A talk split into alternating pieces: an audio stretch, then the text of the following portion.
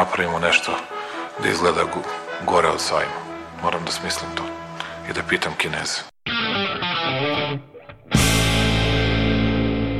I've today left hospital after a week in which the NHS has saved my life. Ne mogu da verujem da narod koji je preživao sankcije, bombardovanje, svakojako maltretiranje će se uplašiti najsmješnijeg virusa u istoriji čovečanstva koji na Facebooku postoji. And now I'm better and maybe I'm immune, I don't know. Dobro večer. Mene su poslali iz štaba. Ja ću vam pomoći. Aleksandar Kocić Jelena Viser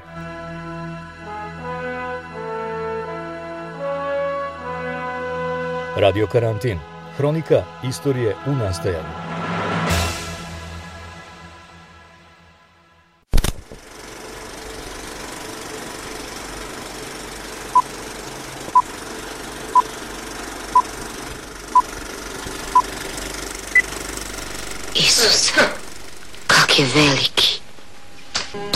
Marijana, pravi trokrilni. Moja mama. Mama u boji. A što baš Nemačka? Gledao sam nedavno na TV-u, kažu da im standard nije ništa bolje nego naš. Da, to baš zvuči kao nešto što bi rekli na TV-u. Da li će uskoro opet da radi bioskop?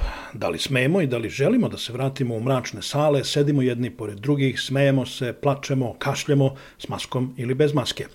Ili se naše navike pod uticajem pandemije trajno menjaju, tako da filmove od sada gledamo isključivo u toplini doma svoga, uz poneki odlazak na lokalni filmski festival, da vidimo i budemo viđeni.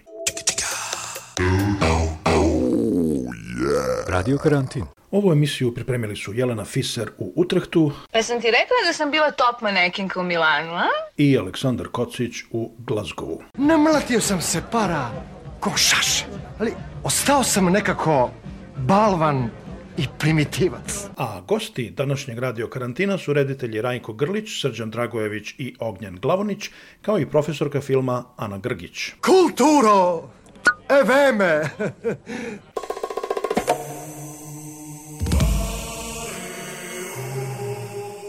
Bioskopi trenutno jedva preživljavaju. Magazin Forbes piše da je u 2020. prodaja ulaznica u Americi opala za 80%. Slično je i u drugim zemljama. Razlog je pre svega pandemija, ali i nove navike, gde pre svega mislim na sve veću popularnost takozvanih platformi. Godišnja pretplata na jedan Netflix, HBO, Amazon Prime i druge slične platforme često je jeftinija od jedne jedine bioskopske ulaznice – Osim što kupuju gotove serije i filmove, pomenute platforme ulažu i ogroman novac u sobstvenu produkciju i kroz te svoje originale dodatno nas podstiču da filmove sve više gledamo na televiziji. Radio Karantin Rajko Grlić je jedan od najpoznatijih filmskih reditelja u bivšoj Jugoslaviji, a neki od njegovih filmova, pre svega u raljama života, odavno su postali deo opšte kulture. Pitao sam gospodina Grlića da li je bio pesimista kada je video vest da će jedan od najvećih američkih filmskih studija Warner Brothers uskoro paralelno puštati svoje filmove u bioskope i na internet platforme. Pa priča je počela malo ranije kad je Paramount objavio da će paralelno puštati, a to je bilo negde u šestom, sedmom mjesecu, ja mislim. E, onda je lanac američkih kina rekao hvala, nemojte uopće dolaziti k nama. To je bila prva takva najava. Onda je sad New York Times objavio negde pre 15 dana da je Warner Bros. rekao da će to biti samo za godinu dana i da to važi samo za Ameriku. Meni to miriše na kraj kina. Ja sam vrlo sentimentalan čovjek koji je u kinima odrastao, kome su kina bili to što me utjeralo u život koji živim sa filmom. Prema tome nestaje jedan ogroman dio mene ako nestaju kina. Kažite mi, ako se e, zaista prestanemo da idemo u bioskope, da li će film, kako će to uticati na film i kao umetnost i kao industriju? Može li film da preživi bez bioskopa? Pa ne može film preživjeti, može televizija preživjeti. Može ovo što se danas proizvodi za televizije. Za Netflixe, za HBO-ove, Amazon Prime. Postoji jedna, ja mislim da kin, e, film na malom ekranu, televizijskom, a još gore kompjuterskom, nije film. Da je to samo informacija o filmu. Da puni doživljaj filma je doživljaj velikog ekrana. Radeći filmove znam koliko brige vodimo za svaki detalj napred, nazad, tu, tamo. E, pravimo punu jednu sliku ili svaki detalj govori svoju priču i doprinosi generalne priče. Mali ekran ukida 60% te informacije. E, on ne daje tu punu sliku. On je surogat. Ja sam nedavno baš nešto pišem za večernji list Zagrebački, pa sam išao gledati formulaciju surogat. Jer to je surogat zapravo. To je zamjena za nešto. I ima, definicija završava sjajnom rečenicom da, kao primjer, margarin nije puter. Tako ni televizijski ekran nije veliki filmski ekran. To je surogat. Iako su televizijski ekrani sve veći i veći danas. Znam sve, ali nije samo ekran. Via Hitchcock ne funkcionira kad ga sami gledate. Tu mora biti neko oko vas ko se preplaši. Morate čuti ono u dvorani onaj uzdah. Nekakve ljubavne priče, ako, ako se u dvorani ne čuje neki plać, taj plać je dio tog filma. Film je, ima jedno sveto trojstvo koje uvijek tvrdim, to je onaj koji ga pravi ili oni koji ga prave, to platno na kojem je on, i treći element u tom ljubavnom trokutu je publika. Bez publike to jednostavno ne funkcionira na taj način. To je dobro za televizijske serije, za ove stvari, ali za film, pravi film, on mora imati taj eho. Znači, nije stvar samo u ekranu, stvar je u prostoru, u ljudima. Kino je jedan socijalni element. E sad, ako je televizija glavni e, medij, e, glavna platforma za prikazivanje filmova, da li se onda filmovi danas prave na drugačiji način? Da li autori drugačije pristupaju filmu, znajući da će ga najveći broj ljudi gledati zapravo na televiziji? Pa ja sam imao sreću da sam pravio filmove za veliki ekran i nisam se morao prilagođavati. E, jedino što smo se prilagođavali bilo zapravo špica E, bilo je nepristojno raditi špicu sa malim slovima, što u kinu dobro djeluje, ali na televiziji je nečitko. Sve ostalo ja nisam htio niti pomislio da to ide na ekran i da će to biti gledano na televizijama.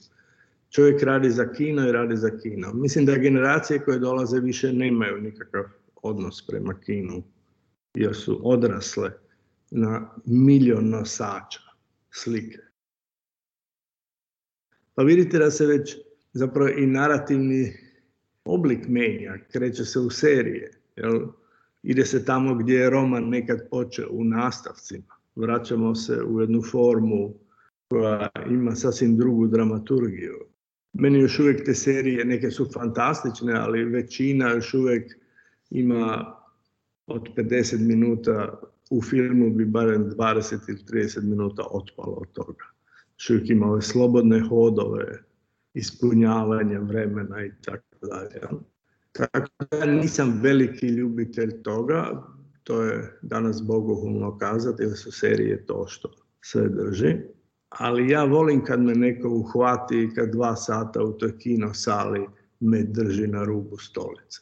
Kako ste vi reagovali, kako je vama delovalo kad, je, kad ste vidjeli da je jedan od najvećih, da tako kažem, bioskopskih reditelja Scorsese svoj poslednji film E, postavi prvo na Netflix. A, ako ste čitali, on, on ga je probao postaviti kao film, ali mu niko nije htio financirati.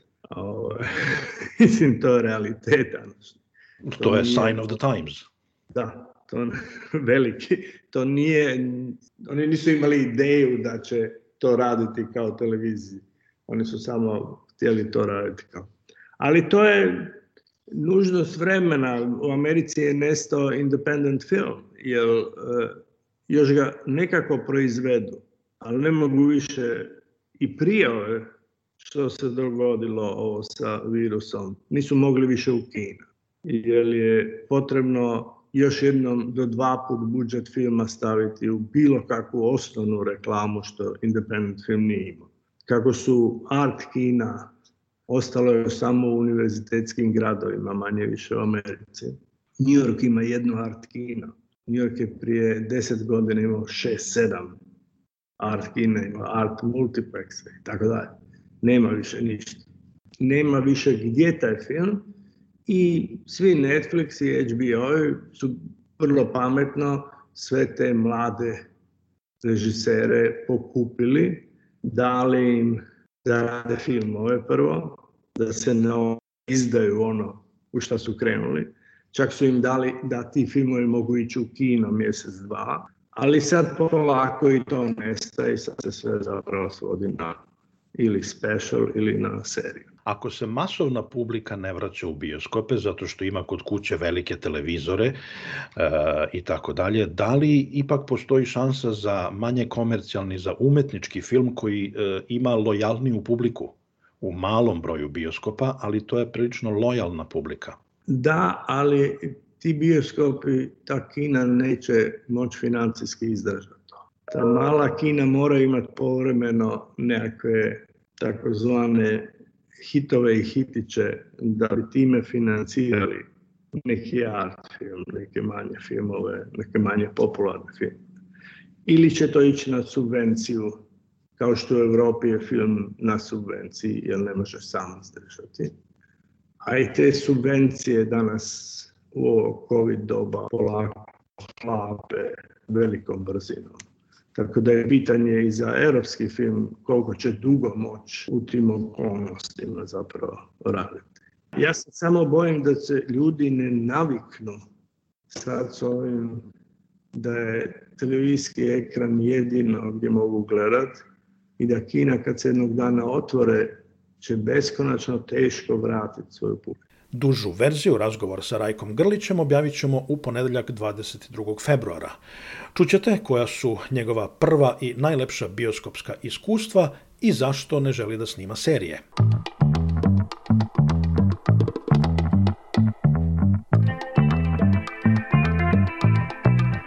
Radio karantin.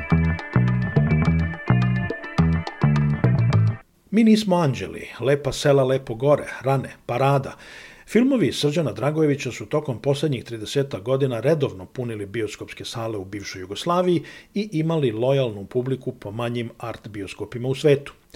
Gospodin Dragojević smatra da bioskopi polako nestaju. Pa, znate šta, ja sam ovaj, tokom nek par decenija karijere ovaj, imao razna, pretežno dobra iskustva sa bioskopom. Imao sam ovaj, tu privilegiju da pravim filmove koji na neki način e, po bioskopskim rezultatima pre, pređu tu rampu art house filmova i ovaj, imao sam čast da mnogo publike gleda moje filmove i ne samo u Srbiji, već i u regionu i e, nekoliko filmova imalo i dosta dobre internacionalne distribucije, ali moram da priznam, primetio sam u poslednjih poslednju deceniju da se da bioskop više nije isti i tako ovaj moj e, moje dva poslednja filma Parada i Atomski iz desna Parada je već imala dobre rezultate ovaj e, bila je distribuirana u celoj zapadnoj Evropi u mreži Art House bioskopa. Nakon toga Atomski iz desna imao ne više od 20% od, od tog rezultata. I sada, već sam tada shvatio da je bioskop institucija koja polako umire. Ona naravno nikad neće nestati.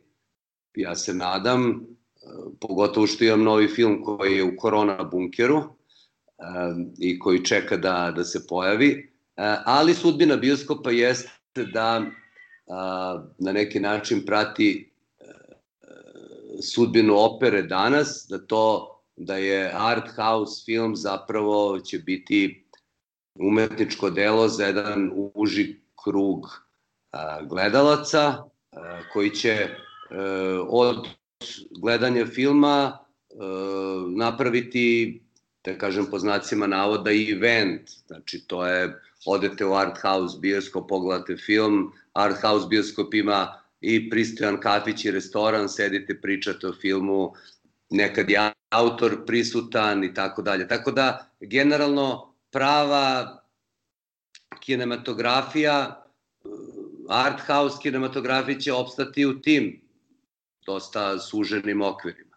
Što se tiče ovaj, mainstream kinematografije, mislim da će ostati i opstati i multiplexi i sve to. Vi vidite da, da je problem ovaj, narednog Berlinskog festivala ne samo pandemija, nego i to što bioskopi ne daju sale zbog James Bonda novog.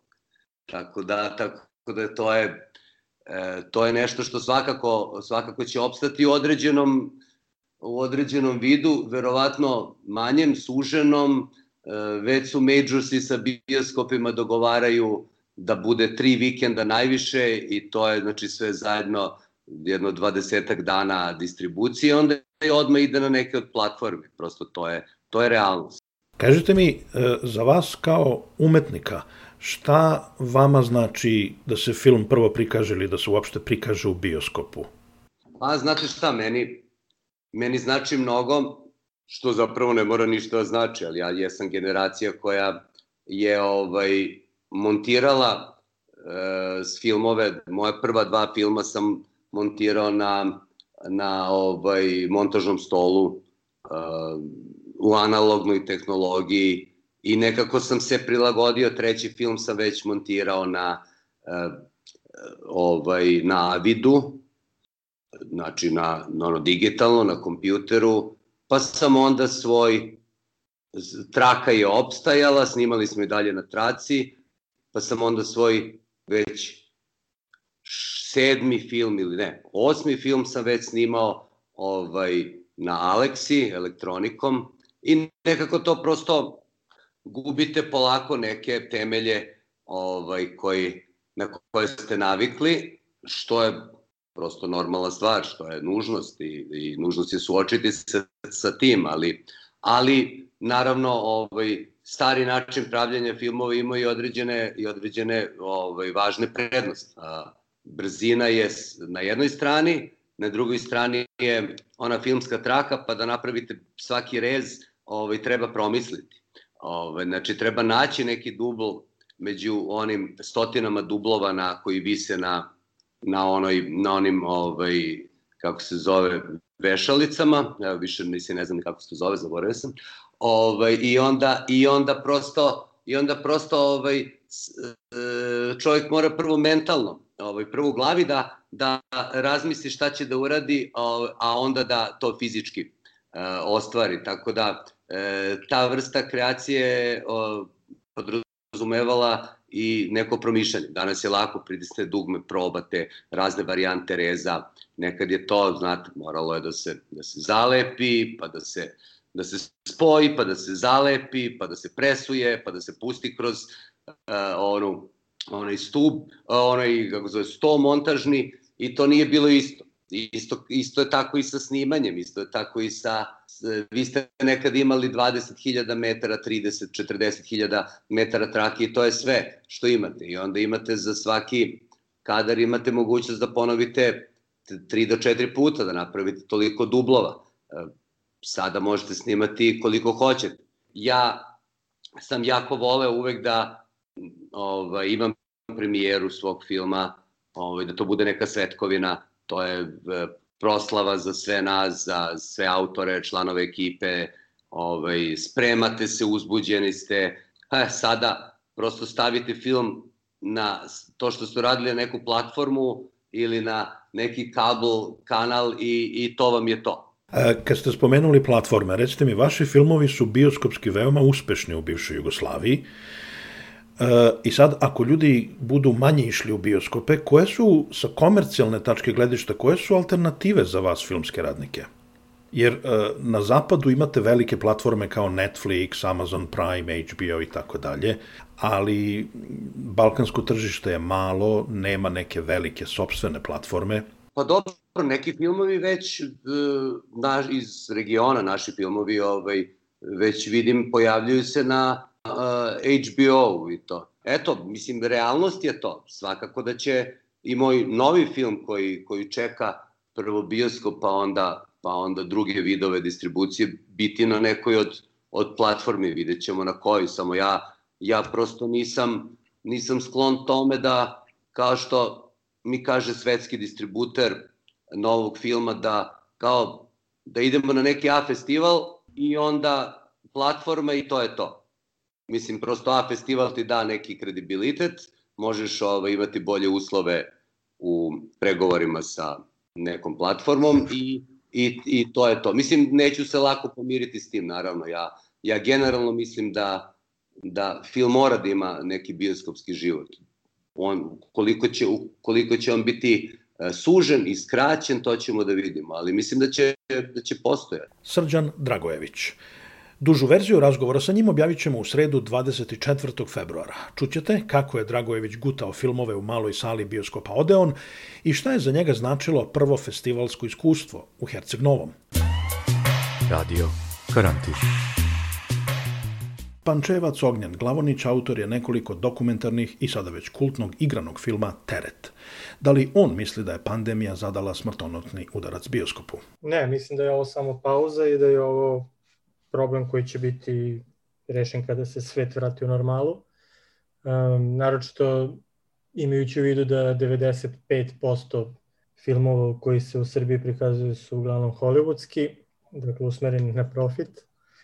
Um, njima se jednostavno, mislim da su oni računali da se njima ne isplati, da se film pušta ovaj, u salama koje mogu da prime 30 ili 50% publike.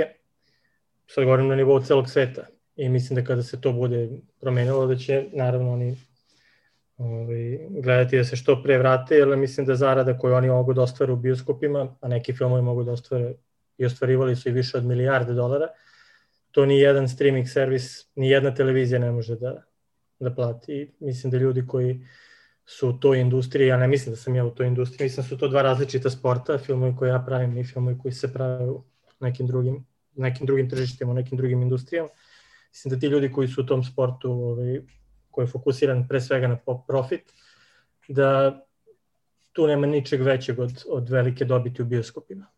E, nema veće nagrade, nema veće zarade. E, I mislim da su oni jednostavno preračunali i izračunali da je 2020 izgubljena, verovatno 2021 i da će se to, kako se svet bude vraćao normalno, naravno da će se filmovi vraćati u bioskopi, da će se bioskopi otvarati. Um, ova druga strana medalje, dakle ne ti blockbusteri i filmovi koji su namenjeni široj publici, koji su usmereni na profit, dakle ti neki art house filmovi. Zanimljivo je, na primjer, da su u Njorku posljednjih pet godina svake godine sve više i više publike i da u posljednje dve godine, ovo, ovo znam iz razgovora sa ljudima koji vode tamošnje bioskope, koji puštaju e, takve filmove, nikad veća poseta i nikad veća zarada nije bila. Tako da te priče o kraju bioskopa i smrti bioskopa možda se možda najviše plasiraju oni koji ovaj koji misle na multiplekse, koji misle na bioskope, koji ovaj puštaju određenu vrstu filma, a ovi neki drugi filmovi, neki drugi um, autori mislim da nisu toliko za, zabrinuti jer znaju da bioskop nije samo multiplex. Naravno da to uvek zavisi od, od industrije i od zemlje i od e, ekonomije određene zemlje, od toga da li je ta zemlja Ovi, sad kad pričamo o Americi, koja nema ministarstvo kulture, koja nema posebno telo koje se bavi. Mislim, postoji sad, šta, šta je problem? Um, problem je što u Americi većinu tih većih filmova proizvode studiji. Svaki od tih studija je finansiran ili je podržan od strane nekih većih kompanija koje svoju dobit ostvaruju na Wall Streetu. Um, veliki problem je ispao pre par nedelja kada je Warner Bros. objavio da će ceo slate za sledeću godinu, znači sve filmove koje planiraju koji su prebačeni na 2021. uključujući King Kong i Godzilla, Matrix 4, uh, Dinu, Denisa Vilnea, Vilneva, um, novi film uh, Clint Eastwooda, Kraj mača i ne znam, mislim ima oko 17 većih tih filmova, većih, filmova većih autora. Oni su objavili da će ti filmovi sledeće godine uh, premijeru imati paralelno na HBO Maxu, koji je dosta neuspešna uh, streaming uh, platforma jedna od dosta ne, nije imala nekog uspeha, mislim ima samo oko 9 miliona korisnika, za razliku od ne znam, Amazona, Netflixa, Disney Plusa koji imaju preko 70, 100, od 100 do 150 i čak i više miliona korisnika. Mislim da je to bio proračun da su oni jednostavno seli i rekli sledeće godine s jedne strane nećemo moći da imamo povratak potpuni u bioskope, s druge strane ta platforma nam propada, s treće strane glavni uh, finansijeri Warner Brothersa je AT&T, kompanija koja je u gubitku trenutno 150 milijardi, u dugu od 150 milijardi dolara i koja je njima verovatno naredila sve ide na ovamo, moramo dignemo tu platformu. I to su sad neke odluke ljudi koji se bave uh, biznisom, ekonomijom, koje sa filmom i svetom umetnosti nema nikakve veze, ali mislim da su oni izračunali da će sledeće godine opet biti izgubljena, ali da će kada se vrati sve tu normalno da će se naravno sva, sva dobiti i sva zarada usmeriti na bioskop, jer jednostavno streaming platforme ne mogu da ostvare, niti mogu da isfinansiraju filmove kao što je Dina, e, čak i Netflix. Dužu verziju razgovora sa Ognjenom Glavonićem objavit ćemo u petak 26. februara. Ognjen priča o mukama filmskih autora da dođu do para, strategijama hollywoodskih studija i platformi i značaju piraterije na njegovo filmsko obrazovanje. Radio karantin. Ana Grgić je profesorka filma na Univerzitetu Babeš Boljaj u Kluju u Rumuniji. Ona je jedan od urednika ovih dana objavljene zbirke naučnih radova o balkanskom filmu. Pitao sam profesorku Grgić da li balkanski filmovi koji su uglavnom nisko budžetski i nemaju veliku publiku van matičnih zemalja imaju budućnost. Da, dobro je pitanje um, i ja mislim da je nekako za, što se tiče pandemije možda je pre rano uh, odgovoriti, ali pre rano vidjeti šta će se u biti dogodi, dogoditi s filmovima. I kako ste rekli, u biti da, ti filmovi najčešće koji kruže znači po filmskim festivalima ili tom uh, selektivnom publikom jesu filmove koji su umjetnički, to jest umjetnički filmovi I sad pitanje je uh, kako Ali dobro, i tu recimo, baš sam razmišljao o tome, recimo ima to što su, ima nekih iznimka, e, tipa ima komercijalnih filmova sa, sa Balkana koji su ipak postali hitovi. Eto, mislim baš na ovu paradu 2010. godine Srđana Dragojevića. Znači, to je hit bio po svim zemljama bivše Jugoslavije ili e, čak, evo, u, u Bugarskoj, ja mislim isto 2010. Misija London, film koji je zaradio duplo više nego iti jedan drugi bugarski film u periodu između 2008. i 2016. godine kad se prikazivao tamo, opet komedija. Znači, takvi filmovi ipak mogu biti uspjesi i ipak mogu, um, kako bi rekla, ne isključuju da se ti filmovi uh, cirkuliraju čak van granica. Uh, recimo u Rumuniji problem koji je bio eto zadnjih možda deseta godina, na, opet spominje rumunski novi val, filmovi vrlo poznati, uspješni, nagrađivani i gledaju se po Europi dalje i, i drugim prostorima u regije, ali nemaju uspjeha kod kuće. Sad, ja mislim da je možda, što se tiče pitanja, izvine, vraćam se na pitanje pandemije, da postoje kompatibilna tržišta ovdje možda u regiji koji još nisu uh, istraživana. I može biti šansa sada, iako je prerano reći recimo za balkanske kinematografije, za balkanske filmove, trenutak neke nove možda strategije gdje bi možda mogli plasirati te filmove na svjetsko tržište na neki drugi način, jer opet govorimo sve više o tim streaming platformama, VOD, SVOD i tako, globalne televizijske kanale. Ja mislim da sve više i više, jer uglavnom ako smo prije razmišljali da možda je jezik problem, znači recimo to je šta je problem, što neko, recimo neka šira publika neće pogledati. Ja mislim da šta god mislite o Netflixu, ogromni svjetski svjetska platforma ipak pruža raznolike, raznolike filmove, raznolike televizijske serije na raznim jezicima i ja mislim da dolazi do toga da ljudi, ta šira publika koju recimo govorimo, uvijek je teško to definirati, da da se i njihove navike mogu promijeniti, znači da bi i oni mogli gledati sve više i više stranih filmova i televizijskih serija, ne ono recimo samo što očekivano, eto Hollywood ili možda francuske art house filmove. I mislimo recimo na uspjeh ovih skandinavskih krimića, eto, koji su stvarno uspjeli obuhvatiti svjetsku publiku i pažnju, iako nisu eto, na engleski jezik ili uh, većina nas mora čitati ove subtitlove i tako da, da ih razumiju. Znači, ne znam, ja ipak mislim da možda e, ima ovdje e, neke, e, nekog načina, neke nove strategije i da ima mogućnosti čak da, da se i balkanski filmovi koji su na toliko raznih jezika mogu gledati.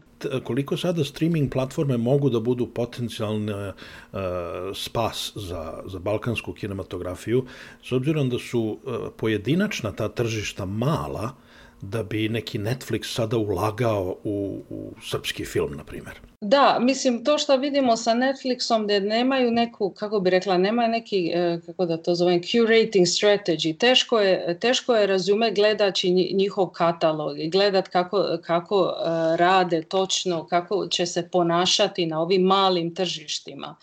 Uh, ja mislim zbog toga moramo se uvijek vratiti na ono da, ja mislim, većina balkanskih kinematografija, pošto govorimo o malim zemljama, osim naravno opet e, ne govorimo o Turskoj, je da moraju imati neku državnu potporu i znači te financije koje će na neki način osigurati e, budućnost. Znam da, da su još dogovori tu sa Netflixom i kako će točno biti koliko postotak oni će ulagati u domaće kinematografije po cijeloj Europi, je li to 15-20% ili tako nešto, tako da bi ovaj, ostali jedna od najvećih platforma. Ana Grgić. U kompletnoj verziji razgovora sa njom čućete koje su zajedničke crte balkanskih filmova u 21. veku i šta ona preporučuje za gledanje.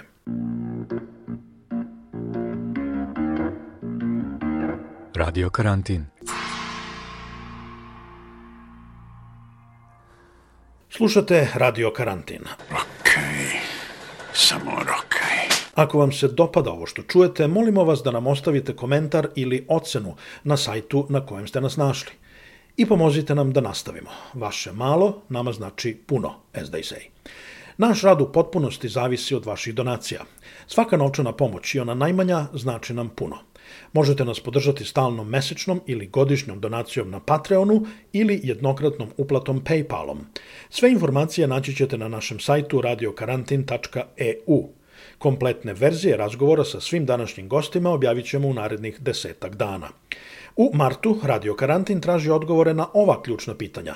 Da li nas je pandemija učinila sebičnijima nego inače i kako izgleda kada se iz uloge roditelja silom prilika uskoči u ulogu nastavnika ili bar redara. Ej, živote! Lutalico!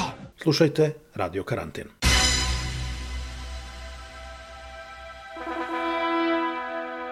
Moramo da napravimo nešto da izgleda gore od sajma. Moram da smislim to i da pitam Kineze. I've today left hospital after a week in which the NHS has saved my life. Ne mogu da verujem da narod koji je preživao sankcije, bombardovanje, svakojako maltretiranje će se uplašiti najsmešnijeg virusa u istoriji čovečanstva koji na Facebooku postoji. And now I'm better and maybe I'm immune, I don't know. Dobro večer. Mene su poslali iz štaba. Ja ću vam pomoći. Aleksandar Kocić Jelena Viser